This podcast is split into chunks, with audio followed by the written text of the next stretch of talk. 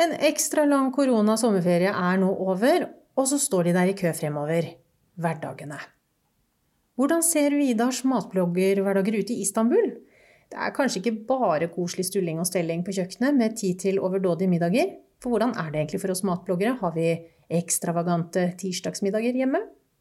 Og hva gjør jeg selv når blodsukkeret ligger i kjelleren etter jobb en onsdag ettermiddag og maten ikke kan komme fort nok på bordet? I denne episoden av Vaffel skal det handle om maten på de dagene det finnes flest av, nemlig hverdagene.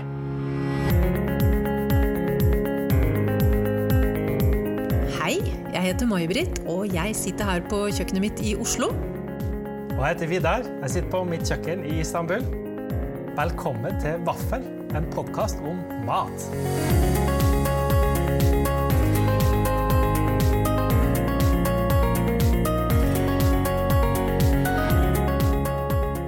Hei, Vidar. Velkommen hjem, hadde jeg nær sagt. Velkommen tilbake. Hei, May-Britt. Hyggelig å se deg og høre deg igjen. Ja, Det folk ikke vet, er jo at vi ser hverandre mens vi snakker, selv om du er i Istanbul og jeg er i Oslo, for vi har hverandre på Skype her. Eh, Veldig fint å se deg. jo, i like måte. Det har vært en stund siden sist. Hvordan har eh, sommeren vært? Den har jo vært litt spesiell, det må jeg si. Ehm, Både fordi jeg har eh, stått i studio. I hele juni så sto jeg jo fire uker i Masterchef-studio. Mm. Og det er premiere om litt under eh, Nei, litt over en uke. Det må jeg også få lov til å klemme inn her. Mandag 7. september. Ja, det gleder jeg meg veldig til. Ja, det gjør jeg òg. Jeg har ikke sett noen opptak, så jeg er utrolig spent. Så det var jo første del av sommeren. Og så hadde jeg egentlig ikke noe ordentlig ferie, ferie i år. Um, Jeg gikk liksom rett fra innspilling mm. til eh, min eh, pensjonssparende brødføjobb, som er som klinikksekretær på Tannlegehøgskolen mm. rett rundt hjørnet her hvor jeg bor. Men det har vært en fin sommer, altså. Jeg har spist mye godt. Spiste veldig mye godt, selvfølgelig, og mye rart, og noen ganger noe litt vondt under innspilling. Og, og så har jeg etter det prøvd å liksom moderere. Moderere lite grann, for det ble, mye, det ble jo mye smør og fløte i juni. Det må jeg si. Men godt har det vært. Hva med deg? Hvordan har du hatt det? Det har vært varmt kanskje nede hos dere? Eh, Ja, det kan du trygt si. Jeg har jo eh, vært i Istanbul hele sommeren. Vi hadde jo egentlig tenkt å ta oss en tur nedover eh, kysten. Men eh, sånn som situasjonen har vært her med Tyrkia åpna jo grensene til alle land og vel ønska turister veldig velkommen. Og opererer jo ikke med sånn grønne og røde land og sånn som Norge gjør. Og da eh, kom det jo masse russere og sånne ting. da, og Det var, tenkte vi kanskje var ikke dem vi hadde lyst til å henge mest med i sommer. Så vi har vært mer på dagsturer rundt om Istanbul. Utforska vårt eh, nærområde, det som er av grøntområder. Og det har jo vært litt eh, godt, for det jo det som er når du bor i en så stor by som Istanbul. Så er det jo godt å komme seg litt ut i naturen en gang iblant. Det er det du egentlig savner mest. Så jeg har fått litt påfyll av det, og det har vært eh, Ja. godt. Og så ser jeg frem nå til at det skal bli litt kjøligere igjen. Altså at det ikke er 30 pluss på dagen og 25 grader på natta lenger. Mm. Det kan jeg fortelle at det er det begynt å bli her i Oslo i hvert fall. For i natt da jeg eller i morges da jeg våknet og hadde ligget med vinduet åpent, så var jeg faktisk litt grann kald på nesetippen, og det syns jeg er litt deilig når den sesongen kommer. Og så har jeg kjøpt min første bunt med norske, deilige rødbeter. Det har jeg fått i hus. Å, så herlig. Har du planlagt noe på dem, eller? Jeg har allerede kokt alle tre i trykkokeren min. Det er jo sånn jeg pleier å gjøre det med, mm. med rødbeter når de kommer. Jeg mm, skreller dem, vasker dem og skreller dem, og så legger jeg dem på rist i trykkokeren, og da koker de seg ferdig på sånn 20 minutter. Og så har jeg brukt noe, lagde jeg en salat sammen med ferdigkokte linser og litt eh, rømme og pepperrot Oh. og dill. Og jeg var ganske raus på pepperroten. Dette må jeg si hvis folk ikke er vant til å bruke pepperrot. Eh, bruk litt først, og så la det stå litt og trekke, fordi pepperroten blir litt sterkere ettersom den står. Ah, ja. Så jeg hadde jo laget denne deilige salaten med sånn kokt rødbeter og disse linsene og alt, og så og hav, høvla oppi pepperrot, vet du. Ehe. Og så tok jeg en smakebit og tenkte nja, det, det må jo rive litt. Så tok enda mer. Og så Mhm. sto jo det da over natten, for datteren min skulle ha med på skolen, og jeg skulle ha med meg på jobb. Og satte meg og spiste. Altså, du vet, som den der nybegynnerfeilen du gjør på sushirestaurant, når du får en halv sånn wasabi-kladd i munnen. sånn var det. Men jeg tvang, jeg tvang det i meg. For det river litt på samme måten, gjør det ikke det? Ja, det er jo, det er jo veldig det er, altså, Wasabi er jo japansk pepperrot, og den ser ut som en Ja. pepperrot. Men det blir litt sånn chilieffekt av det der, fordi eh, det er jo det samme når du lager gryta med chili òg. Altså, hvis du har hele chili, f.eks., mm. så blir det jo sterkere og sterkere jo lenger det står før du eh, tar dem ut. Ja, men aromaen blir også sterkere, og jeg er veldig glad mm. i den eh, pepperrotaromaen. Ja, da skal jeg komme, vet du hva, Jeg har lært noe nytt om pepperrot. Hvis noen nå skal gå til innkjøp av det og høvle det over, over rotgrønnsakene sine, og det er at du kan fryse den. Fordi oh, ja. du bruker jo ikke så mye av en pepperrot av gangen. ikke sant? Mm. Så når du kjøper kanskje et ganske stort stykke, da, så i hvert fall hos meg så mugner det ganske lett i kjøleskapet. Jeg rekker liksom ikke å bruke det opp. Men du kan fryse pepperrot. Du kan bare Aha. bruke pepperrota, så kan du bare fryse du ned uh, hele rota, så kan du ta den inn og ut når du skal bruke den. Det går helt fint. Ja, For du får til å rive av det mens det er frossent, eller må du tine det opp mellom hver gang? Nei da, det går helt fint. Du må liksom gi, ja. gi jernet, da. Bokstavelig talt. Ja. men, eh, men, det går. Mm. Nei, her er jo tomat som står i uh, høysetet om dagen. Så jeg spiser jo tomat til frokost, lunsj og middag uh, hver dag. Det er jo uh, ja. ingenting som er som tomater kan du si, i overgangen mellom august og september. Hvordan tilbereder du tomatene da? På denne tida av året så tenker jeg at det gjelder å gjøre minst mulig med dem, egentlig. Ehm, men et tips da, det er når de er så gode og søte som de er nå, så er det fint å ha av skallet. For skallet kan være litt bittert, og du får på en måte en helt annen munnfull hvis du har av skallet. Og altså, det er veldig mange foreslår, er jo ikke sant, at du skal flå dem, så du skal koke opp vann, og du skal skjære kryss, og du skal ha dem oppi der, og så over isvann. og Det er en ganske omstendelig prosess, og jeg vet ikke hvordan det er med deg, men jeg gjør nesten aldri det. Det er liksom Hvis du koker pastavann uansett, så kan det hende jeg kaster oppi der. Men mm. eh, jeg gjør ikke det bare for uh, si, til vanlig.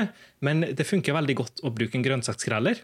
Og Det var det kanskje bare jeg som er litt dum her, men eh, jeg hadde i alle fall ikke tenkt på det før jeg ble på en måte introdusert til det da jeg kom til Tyrkia. da, At de brukte en grønnsakskreller til å skrelle tomaten da. Det var veldig smart. Eh, særlig da de med sånn T-format funker litt bedre enn dem som har bladet på side, har jeg funnet ut. Jeg vet ikke Ja, akkurat. Det kan det være noe med måten du legger trykket på tomaten eller noe sånt, jeg vet ikke. Men det funker i alle fall ganske bra, så lenge den ikke er veldig bløt. Fremdeles er bitte litt sånn fast i formen, så funker det veldig bra. Så da bruker jeg jo det i salater. Og da trenger du jo egentlig bare tomat, agurk, kanskje noen urter, en skvis sitron og olivenolje. Og salt. Salt er veldig viktig. Mm. Eh, får frem eh, den mm. gode smaken. Virkelig. Og så er det et tips til hvis du skal bruke tomat i, fersk tomat i saus, f.eks. Ja.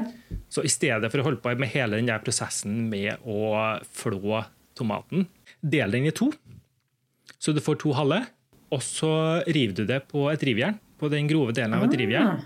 Så du har kuttsida mot rivjernet. Og da får du på en måte innmaten. Den kommer jo på innsida og blir raspa opp. Men når du kommer ja. til skallet, så blir det igjen. Ja. Det nekter å la seg raspe. Ja, For det er jo så seigt. Så da får du med hele tomaten. Hæ? Det var jo et kjempegodt tips å rive de tomatene. Det har jeg faktisk aldri tenkt på, aldri hørt om. Helt nytt for meg. Ja, det er kjempelurt. Gratulerer. Spesielt hvis du skal bruke det i eh, saus. Enten du kan, Salsa, ikke sant? Mm -hmm. Så det er mange bruksområder. Ja. Kjempelurt. Jeg hadde pizza i går. En, eh, jeg hadde noen pizza der fra helgen som hadde stått i kjøleskapet, og jeg lagde for mye i helgen. Og så lagde jeg en eh, restepizza i går. Da hadde jeg resten av rødbetene i tynne skiver. Mm. Og så fant jeg noe, hadde en rest av noe kyllingkjøtt i fryseren som jeg tinte opp. Lagde kjøttboller. Mm. Og så hadde jeg noen litt sånn bløte tomater som lå der, og som jeg skulle lage saus av. Ja. Men da kunne jeg jo bare gjort det der. Det skulle jeg visst i går. Ja, ja, jeg kunne gjort det. Også da, hadde, da ville jeg hatt det over i ei sil da, og rente av litt, så det ikke blir veldig bløtt på den pizzabunnen. Mm. Uh, så du får rente av det verste av uh, vannet fra innmaten. Ja. Nå er jo hverdagen kommet igjen, da. Ja. Her er skolen er i gang. Eh, jeg har en datter som har begynt første klasse på videregående, så vi er i gang med matpakker og har en veldig tradisjonell hverdag. Og jeg har matpakke, for vi har ingen ja. kantine på jobben nå. Mm -hmm. Jeg, jeg, har et inntrykk av at våre hverdager er ganske ulike. Hvordan er din hverdag nede i Istanbul nå utover høsten? Eh, ja, det er nok ganske ulikt i den forstand at jeg har jo ikke noe jobb å gå til, og særlig nå som eh, vi sitter stort sett hjemme alle mann da, som ikke har jobb å gå til. Samboeren min er jo på jobb til, som vanlig. Eh, men jeg hadde jo egentlig tenkt å være litt ute på kafé og sitte og jobbe der, og sånne ting, men det blir det jo ikke noe av, da, sånn som situasjonen er nå, så det er jo veldig mye hjemmetid. Men eh, Samtidig da, så er det jo sånn at i denne jeg skal kalle det jobben, da, sånn, det er jo egentlig det, det jeg driver med, med bloggen og ja, som matskribent, egentlig. da. Så Mange tror jo det at vi driver og sitter og spekulerer på kjøkkenet og lager noe nytt og spennende hver dag til både frokost, lunsj og middag. Men eh, sannheten er jo at det er veldig mye andre ting, og kanskje kjøkkentid er nesten det du har minst av. ikke sant? Det er veldig mye annet som skal gjøres, både med skriving og bildetaking og planlegging. Og det er mye teknisk som skjer bak, uh, bak scenen, holdt på å si. Så det, så det er nok en mer vanlig dag enn mange vil forestille seg. Da. Det er faktisk mm. det er sånn her òg, ikke sant? At det er mange dager jeg verken har tid til å lage noe særlig verken lunsj eller middag, egentlig. Så mm. når vi som er matskribenter sier at uh, også hos oss er det sånn at uh, hverdagsmaten ofte skal gå veldig raskt unna og være enkelt å lage, så er det ikke bare noe vi sier, altså. Det er mm. faktisk også sånn at hos oss er det mange dager der det er tidsklemme. Eh, for å si det sånn. Men eh, selvfølgelig har vi mange dager der det ikke er det òg. Der vi har litt mer tid og vi driver og eksperimenterer og prøver nye oppskrifter og sånne ting. Men, eh, men det er litt begge deler. Men hva lager du f.eks. på en travel dag? nå ser jeg for meg at du har, har at en travel dag for deg da, kan kanskje være at du har planer du skal gå og handle på det markedet, ja, som mm. alle matelskere her i Norge bare misunner deg. Mm. Og så skal du skrive noen oppskrifter, og så mm. skal du skrive nyhetsbrev, og så har du mye på gang. Ja. Eh, du skal hysje på den der katta di som vil blande seg hele tiden. eh, og ta telefoner og sånn. Men hvordan har du da planlagt middagen på forhånd? Er du en som lager en ukeplan for hva du og samboeren din skal spise, eller er det litt mer sånn og det ble rester etter et fotoopptak. Nei, åh, hva har vi i kjøleskapet? Hvordan planlegger du dine hverdagsmiddager, Vidar? Det er litt uh, fra og til, for å være helt ærlig. Jeg har perioder der jeg har en ganske god plan på det. Uh, og det er kanskje særlig da de periodene der jeg har uh, en del nye retter jeg har lyst til å teste. Kanskje jeg jobber spesifikt mot et prosjekt eller noe sånt. Og da har jeg på en måte veldig klart for meg mer eller mindre hva jeg skal lage til lunsj og middag hver dag. Og så er jeg sånn at det er veldig sjelden jeg følger den planen slavisk. da.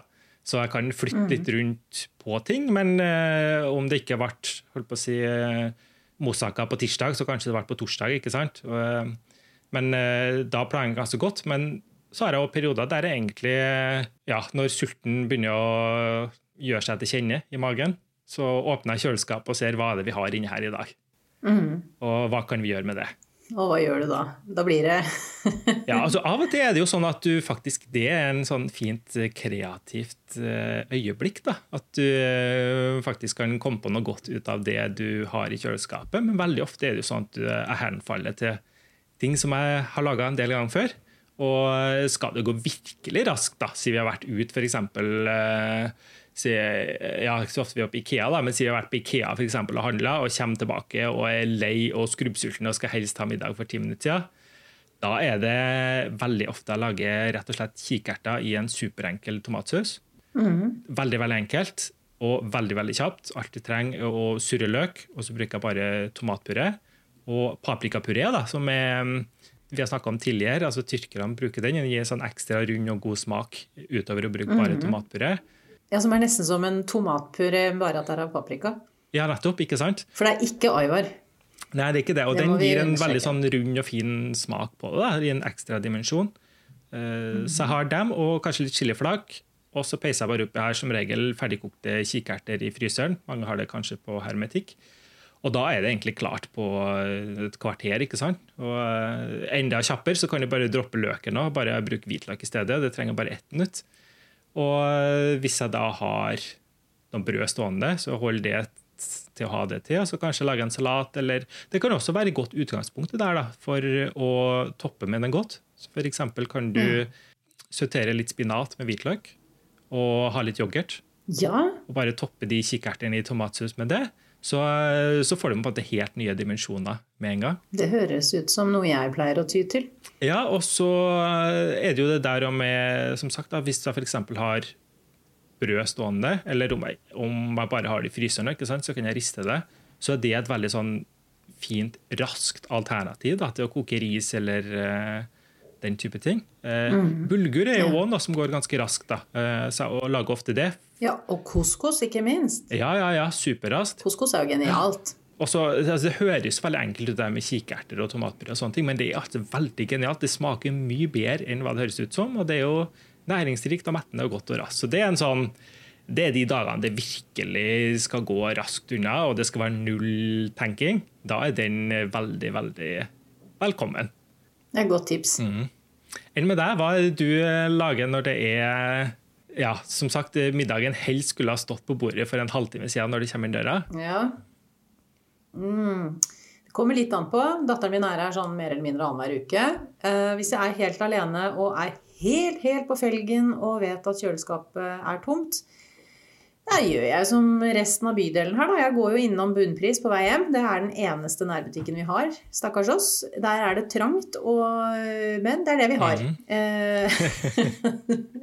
vi, vi, ønsker oss en større matbutikk til Fagborg marinlystområde. Hallo, hallo, alle som eventuelt har noe med det å gjøre. Men eh, Så da blir det liksom eh, tortellini, ferdig fylt tortellini. Um, bruker bare den enkle fra Eldorado, den med ricotta og spinat. Mm. Og så matfløte og frisk spinat. Ja. Og så har jeg alltid løk og hvitløk og parmesan i kjøleskapet. Og så blir det den. Da koker jo den pastaen på et par minutter. Ja. Så steker jeg litt løk og hvitløk. Kanskje ikke løk engang. Uh, har oppi spinaten, lar det falle sammen. Hell på fløte. Mm. Salt, pepper, kanskje litt muskatnøtt. Og så mm. den tortellinien oppi der. Og that's it. Det er den aller, aller enkleste. Og det er jo kjempegodt. Det er kjempegodt. Det er jo ikke jeg kjenner jo at de kikertene dine er hakket sunnere, kanskje, enn fylt tortellini, men eh, jeg spiser jo ikke det hver dag. Men det er på en måte min frossenpizza, kan du si. Ja, nettopp. Ja. ja. Det er jo fint å ha et alternativ. Ja, og så føler jeg meg liksom alltid litt bedre når jeg har fått den spinaten. Jeg er jo glad i spinat, da. Og så mm. steker det så fort og ja. Du er heldig der. Ja. og jeg er ikke du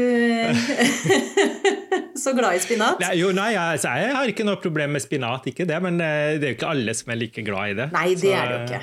Det er det ikke. Det, men her, jo, her, her, i Tyrkia er vi veldig heldige, da, fordi vi har mange måte, varianter Eller ikke varianter av spinat, da, men ikke sant? vi har forskjellige typer mangold, og vi har svartkål og eh, en del sånne ting som er veldig likt, da, men bare litt forskjellig type konsistens og sånne ting. Ja. Og, det er jo veldig fint å, å gå til å bruke til sånne middager. Mm. Og så er, må jeg si at den der ferdigvaskede som vi får her i en stor pose, til jeg tror koster 34 kroner, mm. den er jo kjempebra. Ja. Jeg er glad i den. Ja, ja, bryr meg ikke om det Jeg vet ikke om det er korrekt å si det. Jeg, det driter jeg i dag, kjenner jeg. Den er genial. Den spinaten den bruker jeg veldig mye mm. til alt mulig. Også i, i omeletter. Og, omelett er også en sånn uh, hverdagsrett. Men jeg tenker, hvis, hvis, man har familie, uh, og ikke minst barn som kommer hjem og er sultne, og så skal de ha matpakker dagen etter, så jeg prøver jo å planlegge.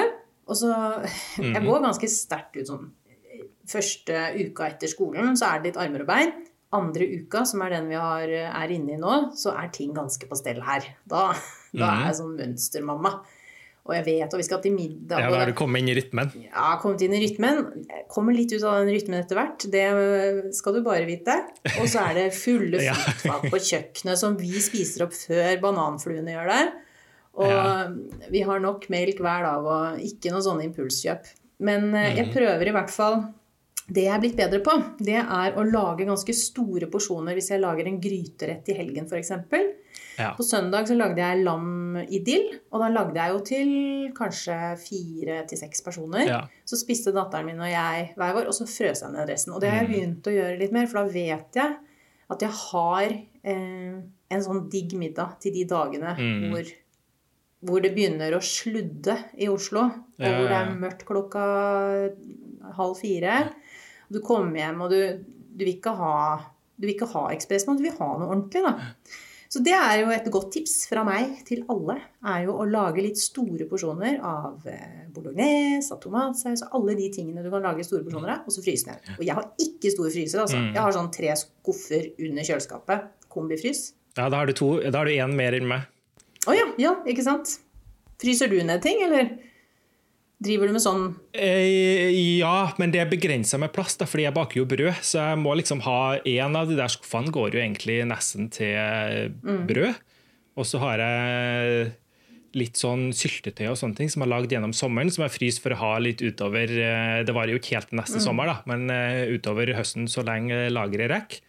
Så det, det, er jo litt sånn begrensa plass. Men ja, så lager jeg store porsjoner, så fryser jeg det ned. Og en ting jeg ofte gjør da, hvis jeg vet at det skal være ei travel uke, f.eks., da lager jeg jo en dag om det er da, I og med at jeg har den jobben her, så er det ikke nødvendigvis sånn at det skjer på en søndag. Da. Det kan skje en annen dag òg. Men uh, da lager jeg en sånn bolognese-aktig sak. Det blir jo ikke ekte bolognese her, for vi har jo ikke de ingrediensene som du trenger til å lage en ekte italiensk Men du, skal jeg si noen trøst, trøstende ord til deg om det? Ja. Jeg tror, jeg tror, meg selv inkludert, og 90% av alle norske husstander lager heller ikke det man kaller en ekte bolognese. Så ikke, ikke skam deg over den, du. Nei, det, jeg, nei, men det har jeg aldri gjort heller. Og det, det, er jo det jeg pleier å si da, med den maten som jeg lager. Altså, selv om uh, du må bytte ut litt her og der, og det kanskje ikke smaker akkurat sånn som den tyrkiske eller italienske bestemora lager, så blir det veldig godt likevel. Det er det viktigste. Uh, sånn som for min del, ikke sant, her er jo selleri, f.eks. Det er jo en sånn spesialvare. Så den uh, Eh, så den sofritoen, er ikke det det heter? Med mhm. løk, gulrot og selleri, som du skulle begynne med. Den, eh, løk har jeg jo alltid. Gulrot har jeg som regel, men ikke alltid. Og selleri har jeg en sjelden gang iblant. Ja. Eh, bacon eller pancetta er jo bare å se langt etter. Um, ja. Det finnes noe sånt som én slakter i hele Istanbul som selger svinekjøtt. Vin er heller ikke noe som holdt på å si, har sånn slunta stående deler. Men der er det jo ofte Eh, der har jeg brukt egentlig veldig mye da, et sånt triks som jeg plukka opp fra Jamie Oliver for mange mange, mange år siden. Og det er jo å ha litt sånn balsamico-eddik i ja. kjøttdeigen mens du steker den. Ja. Eh, fordi eh, altså den vinen da, det, det, er jo litt sødme, og det er litt syre. Mm. Så det er liksom det du må prøve å få med. da, Så kan du ha litt eddik. Så har jeg ikke balsamico-eddik, hender seg tom for det òg. Da må jeg jo inn med sherryeddik f.eks. Og litt sukker, da, som balanserer. Jeg har brukt en gang også, eller en par ganger, så brukte jeg um, det som heter for etter hvordan du uttaler det, men værjus. Altså det er um, en slags ja. Saft laga på umodne druer. Ja, ja, ja, ja. Den har jo litt samme bruksområde. Jeg syns det har vært kjempegodt. Men uh, samboeren syns det var bare første men, oh, Har du hatt mye sukker i den her? Det var jo veldig søtt, liksom. Så det er jo ja, men... veldig, veldig sånn følsomme smaksløker. Vi har jo snakka før også, om uh, det her med tyrkere og det søte. Ja. Mm. Så jeg syns ikke det var søtt i hele tatt. Men uh, poenget er at det fins uh, mange måter å gjøre det på. Da. Men Lager du da litt større porsjon og så fryser ned, eller har ja. dere i mange dager? Da lager jeg så vi har eh, i noen dager fremover. I alle fall liksom, så du har mm. middag da én dag, og så har du lunsj to-tre dager etterpå. Og ofte så lager jeg jo av en kilo kjøttdeig. Og da prøver jeg å kompensere litt da, fra, fra med det at jeg ikke har alt det andre. At jeg bruker en litt sånn god kjøttdeig. Mm. Men da er det det som da ikke brukes opp i løpet av en par dager, eller jeg ser at nå er det blitt nok eh, bolognese for denne uka, da går det i fryseren. Ja. Så da er det jo kjekt å ha det. Men jeg blir så lykkelig ja, når jeg finner sånne ting i fryseren. Når jeg kommer, ja, det... Å, det er altså så gull. Og så Å nei, hva er det jeg har bak der? Å, ja. herre min, en grønn thai-curry med kylling. Å, mm. Perfekt. Den digge middagen. Jeg skal bare, tine den, skal bare stå og tine over natta. Så, så snasent. Men jeg har en mm. veggis-bolognese eh, på bloggen. Ja. Som, eh, med røde linser. Jeg bruker røde linser istedenfor uh, kjøtt. Og så bruker mm. jeg fennikelfrø, for da syns jeg du får den italienske ja. smaken liksom, umiddelbart. Er det veldig sånn tradisjonelt italiensk, eller er det litt mer sånn amerikansk-italiensk her? Litt sånn Fennikelfrøene? Ja. Det aner jeg ikke. Mm. Men den er jo mye brukt i, i farseprodukter. I ja. pølser og Ja, det vet jeg. Ja. Så det kan godt hende. Kanskje det er noe mm. man begynte med i USA. Da... Jeg bare føler at det er Jeg vet ikke om man begynte med der, men det er kanskje at det er italienere fra en region eh, Eller folk fra en region av Italia der de brukte det som kanskje har uh, ja. fått av den italiensk-amerikanske kjøkken. Det, det så nå spekulerer jeg her, da. Det er jo mange av de italienske rettene vi elsker, som egentlig oppsto i USA. Det kan godt hende, ja. Uten at jeg skal begynne å ramse opp, for det vet jeg ikke en, noe om. Men jeg bare vet det. Og så er det jo sånn at det skjer veldig mange av de si, amerikanske eller amerikansk-italienske oppskriftene på lasagne bolognese. Der er fennikelfrø veldig fremtredende. Og så er det ikke like fremtredende i de italienske kokebøkene jeg har eh, hjemme. Nei. Så det var liksom der eh, holdt på å si, jeg prøvde å lagt to og to sammen og fått fire, men det er jo ikke sikkert at det var rett for dem. men det kan jo hende eh, Nå er jeg jo altså, i all ydmykhet ikke ekspert på, det, på, på dette, selv om jeg elsker italiensk mat og lager mye av det jeg tror er italiensk. Men det kan jo Mm. også hende at fennikelfrø kanskje er mer brukt i det litt mer sånn i det søte kjøkken eller over i Ikke helt sånn i middagsmaten. Mm. Jeg lagde eh, i går faktisk taralli, som er italienske sløyfeformede kjeks. Å Å, oh, ja, ja, ja, ja. Dem tror jeg jeg har sett, ja. Mm. Ja, og de eh, er jo sikkert mange som har spist dem uten å vite når de har vært i Italia, fått det så, til en aperitiff. Eh, det er Mhm. tørre, harde, tørre kjeks formet som en sløyfe. En sånn ja. eh, ribbon. Ikke som en sånn sløyfe i håret, men en sånn ribbon. Um, og så har de fennikelfrø i seg. Og det er altså verdens enkleste deig. Det er mel, det er mel og hvitvin og salt og Mhm. olivenolje og fennikelfrø som du knar sammen. Så hviler deigen en halvtimes tid, og så ruller du ut og lager enda noen mindre pølser som du da vrir i en sånn eh, Mhm. sløyfeform. Så koker du dem først til de kommer til overflaten, mm. og så steker du dem til de er sprø. Kjempegodt med en aperitiff. Eller som en snack. Og for sånne potetgullavhengige som meg, som liker at det knaser sånn i kjevene på kveldstid, så er det gull. Og så kan du jo egentlig krydre dem. Jeg tenkte jeg skulle prøve å lage en variant med litt andre krydder og kanskje bitte litt sukker og sånn når det nærmer seg jul. Ja. Jeg skal legge ut det her på bloggen, altså, men det var bare apropos den der fennikelen. Det er jo ikke noe hverdagsprosjekt. Vi skulle mm. snakke om hverdagen her. Hverdagen. ja. Hva med frokost? Jeg tenkte på deg i dag tidlig. Eh, Jeg sto opp og hadde vekket datteren min. Skulle jeg lage frokost, og så tenkte jeg åh, hva skal jeg ha til frokost i dag? Jeg, Hvis jeg hadde vært Vidar nå, så visste jeg det. Fordi du spiser det samme hver dag. Ingen endring. Ja, det eneste som sagt er forskjellen, vi snakka vel om det i en hel episode forrige sesong, eh, det er at i helgen så har jeg kanskje noe eh, mer spenstig ut av eggene. På ukedagene er de kokt, men ellers er det Ja, i morges hadde jeg kokt egg, brødskive, eller rist- rista brød, da, fordi det ikke var ferskt, så rista jeg det. Og ost. Oliven. Jeg klarer meg bare jeg, Så tidlig på morgenen klarer jeg bare én eller to oliven, med litt mer i helgen. Og Koser du deg lenge med den ene oliven da? det, det er mer for Mange morgener så spiser jeg ikke oliven heller. fordi det er ikke, Klokka sju på morgenen er jeg ikke helt klar for den type sterke smaker. Jeg tror fremdeles jeg er forma av eh, oppveksten i Trøndelag, der vi var litt mer eh, smidig inngang til dagen. Ja. Så, ja, og så er det noe søtt, da. Nå, det jo, eh, nå har det jo vært eh, kirsebærsesong. altså Det er jo en sånn En gang i året, ikke sant? der det varer kanskje bare noen få, to, tre, fire uker. Så kommer det jo der surkirsebærene på markedet.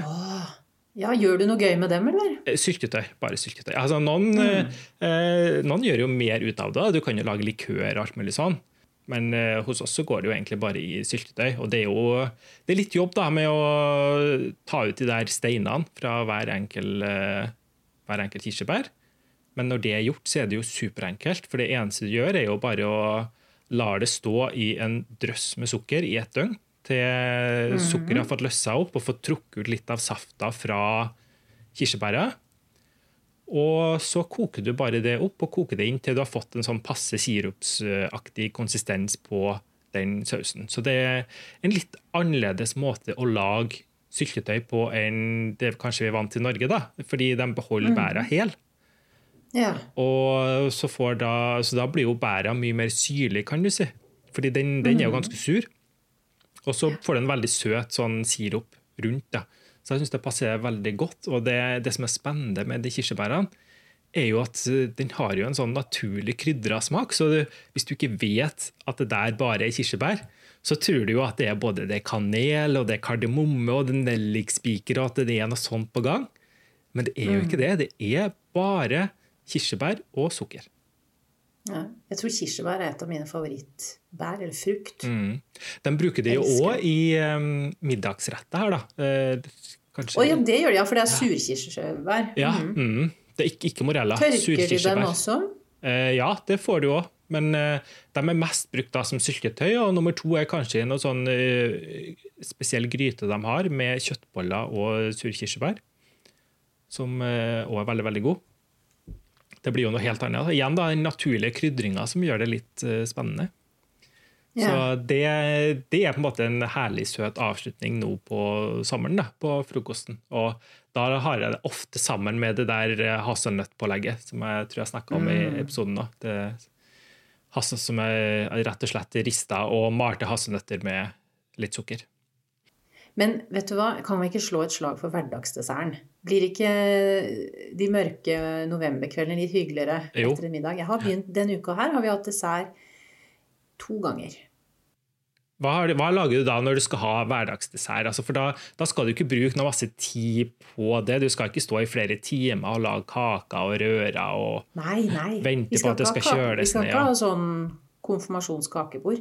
Vi skal bare ha en liten søt avslutning. Og mm. da er jo sesongens frukt genialt. Nå er ja. ikke eplene på plass ennå.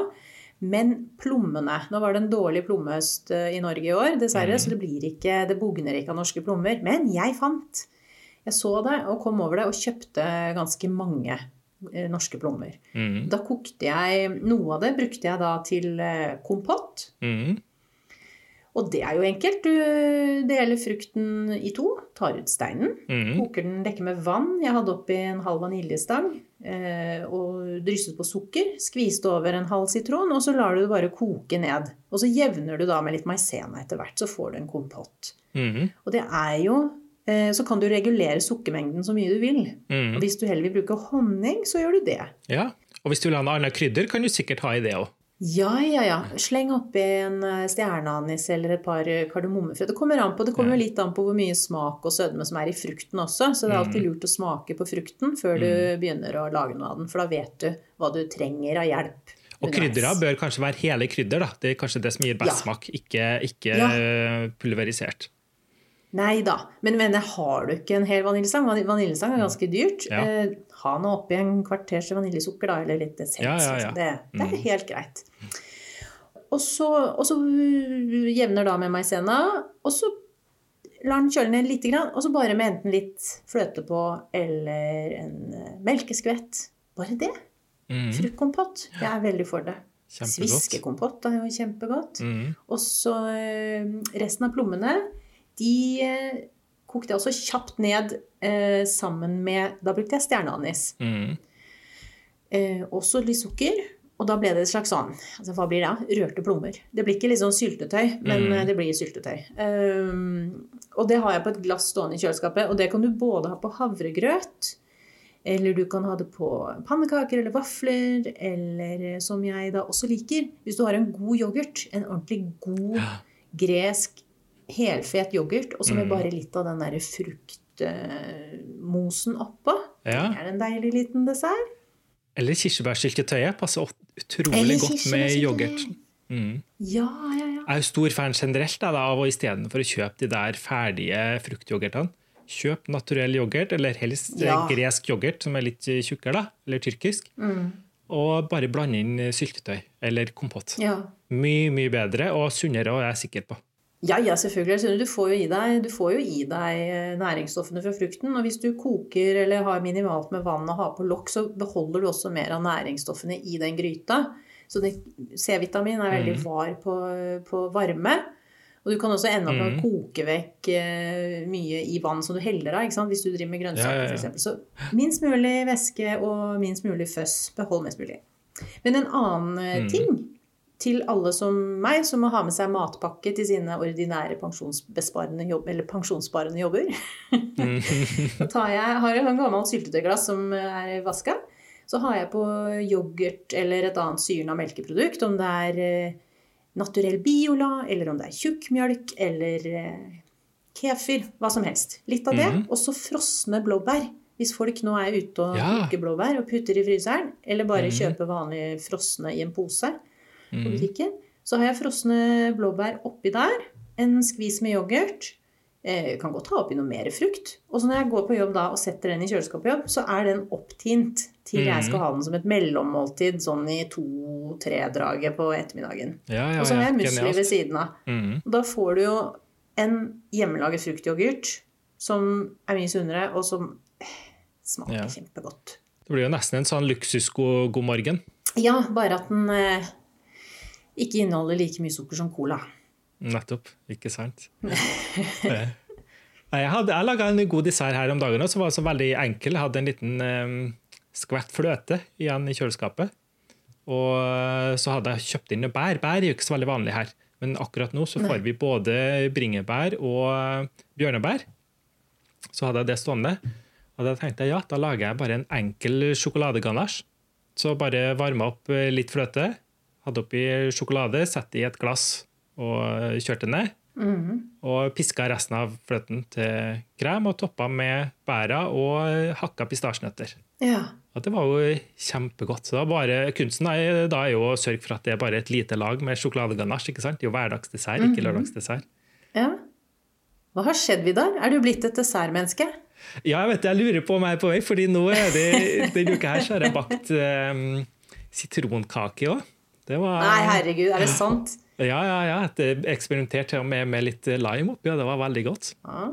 Det, var det den episoden vi hadde om desserter som eh, Det spørs jo fra sånn noe er der, altså. Vi får se hvordan det går fremover. Men ja. eh, snart, blir det, snart blir det dessertblogg fra Istanbul. Ja. Du, en annen eh, hverdagsnødhjelper er purerte grønnsakssupper med linser oppi, f.eks. Ja, Lage en stor mm. gryte av det på starten av uka. Og nå kommer jo alle de deilige norske rotgrønnsakene bare med godstog inn i livene våre. Mm. Og og, ha en stor gryte av det stående i kjøleskapet mm. eh, og ta litt før middag, sånn når alle kommer hjem. Her er vi bare to, da, ja. i min husstand. Men ja, ja. man kommer hjem og tror man skal drepe noen, for man har så lavt blodsukker. Og har skrevet til alle, og man har hatt munnbind på kollektiv trafikk hjemme. Nei, da en sånn liten tallerken med varm, eh, purert, god grønnsakssuppe, så kommer man i mm. vater med en gang. Ja, og da, du, da, blir det ikke like hastverk med middagen, så da kan du ta deg litt bedre tid eh, med den òg. Ja. ja. Så få istedenfor eh, Bixit-kjeks, liksom. Hvis du skjønner. Mm. Nå skal ikke jeg være, skal jeg være sånn sur helseguru, men den der varme grønnsakssuppa mm. Er jo litt bedre. Ja. Hva har du i den, da? Altså, hva, hvordan smaksetter du? Det kan være hva som helst. Jeg har, på bloggen så har jeg tre varianter. Jeg kaller det samvittighetssuppe, fordi at du får så god samvittighet av å lage den og spise den og gi den bort til barna dine. det kan egentlig være, det kan være alt mulig. I en sånn purert suppe så kan du jo gjemme bort alle grønnsaksrester du har. Mm. Um, så hvis du f.eks. pleier å gjøre innkjøpene dine på mandag, eller får de levert på døra, så har du kanskje ikke så mye igjen søndag kveld i kjøleskapet, men da kan du jo ta det du har et søndag kveld, og lage en sånn purert uh, suppe av mm. det. Så den jeg hadde nå, den ble veldig gul, og det var uh, gulrot og sellerirot og pastinakk hadde jeg igjen. Og så var det litt persillerot, og så var det en purrebit. Mm. Det, nesten bare det grønne igjen fra en purre. Og et hvitløksfedd og grønnsaksfond, liksom. Mm. Ja. Nei, kyllingfond var det. Så da surrer du bare det først i litt olje, og så har du oppi uh... Nei, jeg gidder ikke surre det engang, jeg. Jeg bare har i gryta. Rett oppi gryta og dekker med vann, og så øh, koker det mørt. Ja. Og så hadde jeg det oppi blenderen istedenfor stavmikser, for da får du en mye glattere suppe hvis du bruker blender. Ja, nettopp. Nettopp. Lurt tips. Jeg er jo glad i linsesuppe til den der. Ja, så det, det, jeg gjør, på, særlig på vinteren Nå er det jo litt for varmt her til å spise noe særlig suppe til forrett, men når det etter hvert begynner å kjøle seg ned litt, så uh, lager jeg jo veldig ofte linsesuppe. Og da varierer jeg ofte med å ha i grønnsaker. Og eh, for min del trenger det ikke å være sånn purert. Altså jeg, kan godt, jeg har en chunky linsesuppe mm. på mhm. bloggen. Og det er jo rett og slett bare du surrer litt løk og hvitløk og tomatpuré jeg bruker bare vann ja, som regel, for jeg har ikke noe sånn fond og kraft stående som regel. Men mm. med linser så går det bra med bare vann. Røde linser, og så peiser jeg bare oppi det jeg har av grønnsaker som du sier, som må brukes opp. En rest av ditten og en rest av datten.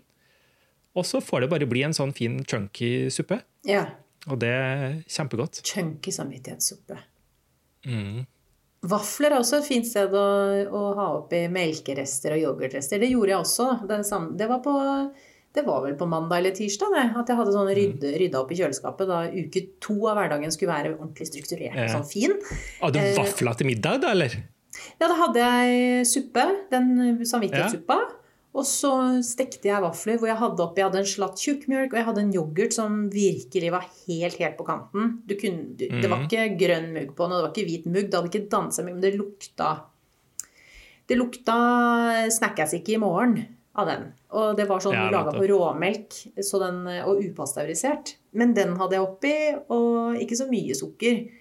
Og egg og ja, kjempegode vafler. Mm. Også den derre plomme, plommesyltetøyet. Ja, ja, Da hadde vi det. Og, så tok, og da ble det ganske tidlig middag, og så tok vi heller eh, en brødskive til kvelds. ja, ja, ja. Det er jo like greit, det.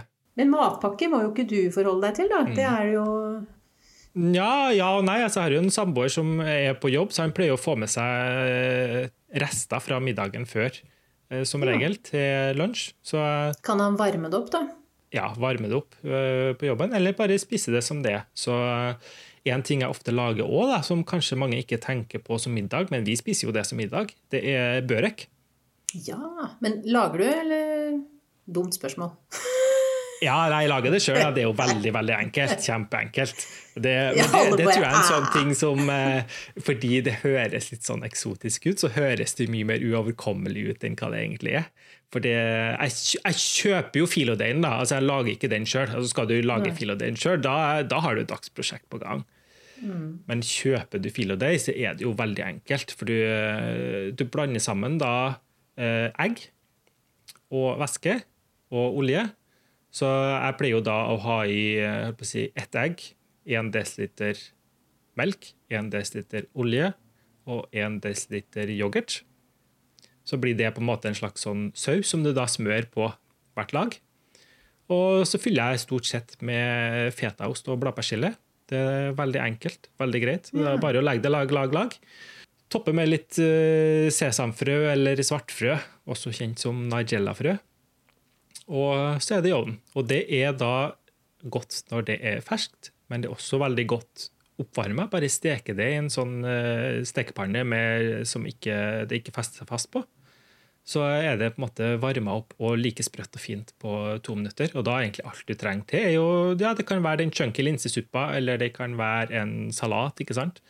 Så eh, det er jo perfekt både til middag og til lunsj, spør du meg. Det er jo en typisk hverdagsmat hos meg. Og veldig fint å høre at man kan smøre hvert lag med noe annet enn smør. Fordi hvis du begynner med smøret, så Ja. går det jo raskt en halv pakke smør på, på det. Ja, nei, jeg bruker aldri smør i børek, jeg i alle fall. Det, jeg bruker god olivenolje, mm. så jeg vet at det er god kvalitet på det. Og altså, du, du kan jo bruke holdt på å si, bare melk òg, men da blir det litt eh, altså, ja, da, da blir det kanskje litt eh, blaut, da. Den, eh, du får jo en litt litt mer sånn småkrispy av at det er litt olje i den, og det skal jo være og det skal jo mette òg, da. Det er jo, um, så du må jo få Det, det gjør jo olivenoljen på en god måte, syns yeah. jeg. Jeg har også en men det, Du kaller det børek, men du legger den i langpanne, ikke sant? Ja, det, her, det finnes jo utrolig mange forskjellige typer børek. Og det her er jo på en måte den Ja. hverdagsbøreken som er i langpanne, rett og slett. Ja. Det er bare lag på lag i langpanne. Jeg har en tilsvarende på bloggen min. Jeg har jo en Mm. fortid eh, fra å ha vært samboer med en bosnisk mann. Ja, Og da eh, De har også børik, men de kaller det pita. Bosnisk pita. Og det Ja, er jo mhm. akkurat det samme. Mm. Men jeg har spinat og rømme og Er det cottage cheese i den, tro? Som også ligger sånn lagvis med filodeig. Men da smører mm. jeg med smør, da. Men det var Mhm. veldig godt tips å bruke noe annet enn smør. For det er jo ja, vet du hva? Skal jeg, skal jeg, nå skal jeg fortelle noe. Jeg skulle egentlig ikke si så mye om det akkurat i dag, men jeg har begynt å se litt på gamle fjernsynskjøkkenepisoder med Inger Espelid Håvig. Og vet du, hun oh. er altså en røver til å skille mellom hverdag og helg. Og det syns jeg er så sympatisk. For vi, vi har en idé om at, uh, at det ikke er nødvendig. Og at man ikke drev Ja. med det så mye før. At, det, at vi er slankehysterikere. Nei, vi er jo ikke det. Den gangen, hun, Mm. Jeg tror hun snakker om det i hver eneste episode. jeg. At hun Å, her Mm. reduserer vi fettet. Jeg bruker lett majones. Og hun er Ja. veldig sparsommelig på alt som er det hun kaller festmat. Ja, hvis det er hverdagsmat det er snakk om. Mm. Så jeg har bestemt meg for å ikke være så redd for å liksom påpeke at det går an å, å spare kremfløten til lørdagen. Det- ja nettopp. Og her ja. kan du jo, ikke sant, hvis du lager den børeken, da, så kan du jo òg eh, Du kan jo bruke litt mindre ost, f.eks. Og du kan òg gå ned litt på oljen og ha i et ekstra egg, så får du ekstra med næring fra egget òg. Det er jo mange måter å Mm. tilpasse det der på ettersmak. Jeg syns det er en fin balanse da, med den, eh, den røra jeg har. Men det, ja. det er absolutt en rett som når du først har lagd det, på si, som du kan variere. Altså, det er jo en klisjé, men du kan variere i det uendelige. Både i fasong og smaksetting. Du kan jo ha i akkurat det. Spinaten din er jo kjempegod. Mm. Og den pakken du kjøper altså Ofte er jo spinat litt sånn vannholdig, men jeg tror den pakken du kjøper, går det bra å bare ha i en rå. Du trenger ikke engang å steke den ned først. Ja, hvis du skal få ut vannet, så det vi har gjort, er at jeg tar den i dørslag eller i en bolle og hell, eh, over litt salt og lar det stå en ja, 20 minutter, tror jeg. Ja. Og så kan du klemme, klemme ut Ja, væsken. ja, ja. Mm. Og da er det også lettere å få den knørva sammen til en ball og legge den på, på fjøla og hakke den. ja. Det var lurt. Det var et lurt tips. Men Vidar, hverdagen kommer og biter meg i rumpa bak her nå, så jeg må, jeg må legge på. Og skal ut på kjøkkenet og se hva jeg har i kjøleskapet. Det begynner å bli veldig tomt, for vi er mot slutten av uka nå. Ja, det er det samme her, faktisk. faktisk. Ja, jeg skal være flink. Planlegge neste uke. Eh, så bra. Ja, ja, flinkis. Da gleder jeg meg til før neste uke hva du eh, kom opp med. Jeg gleder meg til å snakke med deg neste uke òg. Ja, Det var veldig koselig å eh, høres igjen. Da ses vi snart. Det gjør vi. Ha det godt. Ha det.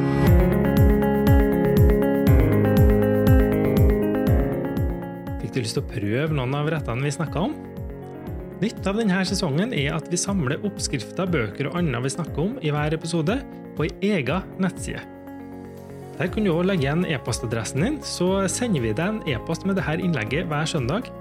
Den perfekte følgesvenn til podkasten, om jeg så får si det sjøl.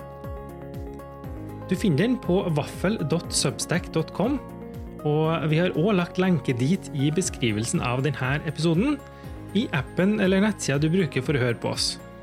Og Du finner den òg på Facebook-sida vår.